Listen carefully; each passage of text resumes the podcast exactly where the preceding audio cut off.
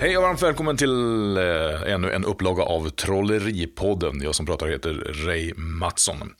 Idag när jag gör denna podd så är det måndag den 12 september och i eh, morgon då den 13 september så är det dags för en ganska så intressant bokrelease för oss som pysslar med trolleri.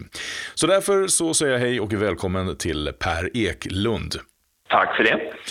Eh, imorgon är det dags för den officiella bokreleasen utav eh, boken Trolleri som konst. Eh, spännande. Ja, det känns jätteroligt att få, få släppa den nu efter fem års arbete för att försöka presentera vår konstart ur ett kulturellt historiskt perspektiv. Ja, det är ett digert arbete, fem år. Ja, det började ju egentligen som, som eh, ett skrivarprojekt där jag ville försöka sätta in vår konstart i, i, eh, i kulturhistorien, se vad den har bidragit med. Och sen ju mer, ju mer jag läste och grävde och hittade källor och arkiv, ju större blev det här. Och eh, då fick det helt enkelt ta den tid det tog. Och i glasögonen, så, backspegeln, så kan man ju säga att det var bra därför att då har man kunnat, kunnat hitta olika varianter, få mycket tips, hjälp mm. och sådär. Men nu är det klart. Mm. Var, var letar man efter material till sånt här?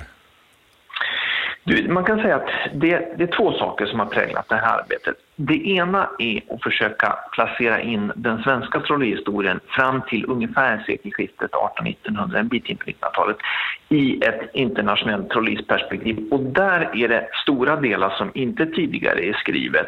Från mitten av 1800-talet och framåt så finns det väldigt mycket bra dokumenterat av Christer Nilsson i hans böcker. Men tidigare så har jag fått forska fram själv i arkiv mycket tidningsarkiv från 1700-talet. Kungliga biblioteket, eh, universitetsbiblioteket i Uppsala har eh, mycket material. Och sedan, det andra, det är ju då att så att säga fånga upp den internationella eh, trolleyhistorien och där har man fått utgå ifrån mera färdigforskat material för att annars blir det liksom ohanterligt. Eh, och också försökt hitta rätta versioner för det florerar väldigt mycket olika teorier kring olika frågor. Så att de två perspektiven är som har gällt. Mm. Du, om du uppskattar tiden, arbetstiden för att göra den här boken under de här fem åren, hur mycket tid har du lagt ner? Eh, jag skulle nog säga att det närmar sig nästan ett arbetsår. Fantastiskt. Skulle nog säga 1500 timmar någonting där skulle jag nog säga att jag lagt ner. Men då har man ju, det har ju gått i skol lite grann, man har skrivit mer än vissa perioder, mindre än det. Men om man tittar på heltid, ja. skulle nog bli det. Vem, vem, skulle du vilja säga är mottagaren av den här boken, förutom då de som eh, ingår i, i vår bransch, som ju ändå är en liten begränsad del av svenska befolkningen? Ja, det, det där är ju en jättebra fråga, därför att syftet har egentligen varit att sprida kunskap om vår bransch till människor som är kulturintresserade.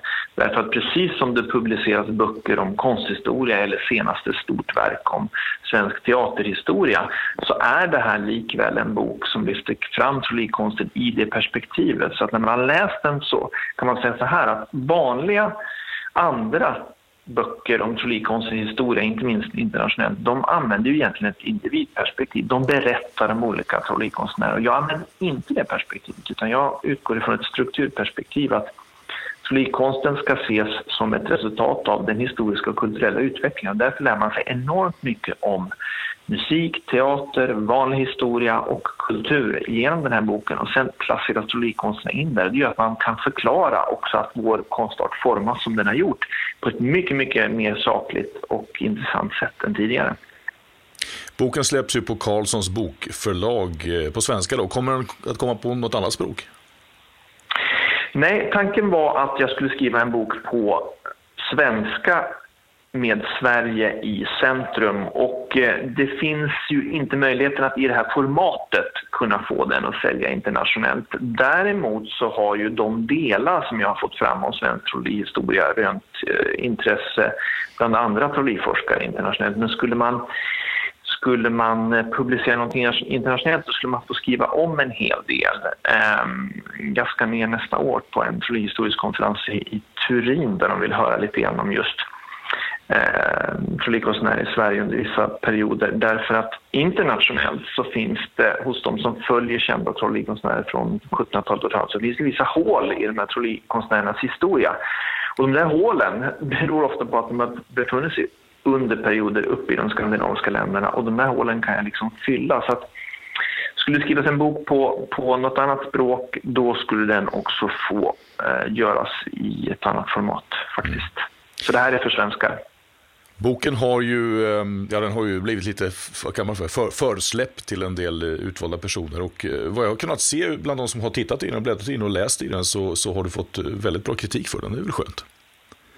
Det känns jätteroligt. Man har ju kunnat förbeställa den här, förboka den redan i våras och jag vet att de började skicka ut de exemplaren redan den 23 augusti. Det känns ju jätte, jätteroligt att få, få positiva omdömen. Eh, så att det ska bli väldigt, väldigt roligt också att liksom officiellt få, få släppa den här imorgon i Stockholm. Mm. Imorgon alltså 13 september i Stockholm så är det dags för officiella. Var, var kan man hitta boken sen då när den har blivit släppt? Eh, redan nu så finns den i alla bokhandlare i stort sett, större bokhandlare i Sverige. Så att du kan gå in och köpa den. Du kan beställa den från Adlibris, du kan beställa den från Bokus och jag såg häromdagen till och med när jag gick in på Tradera så hade eh, CD-ON lagt in en annons om man googlar Troreader på, på, på titeln.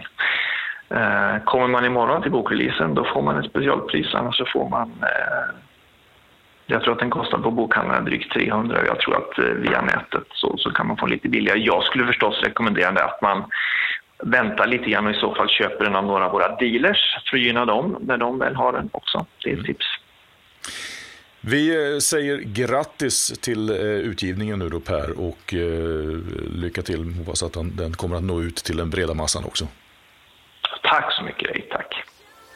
Och det markerar slutet för Trolleripodden för den här gången. Jag heter Ray Mattsson. Tack för att du lyssnade.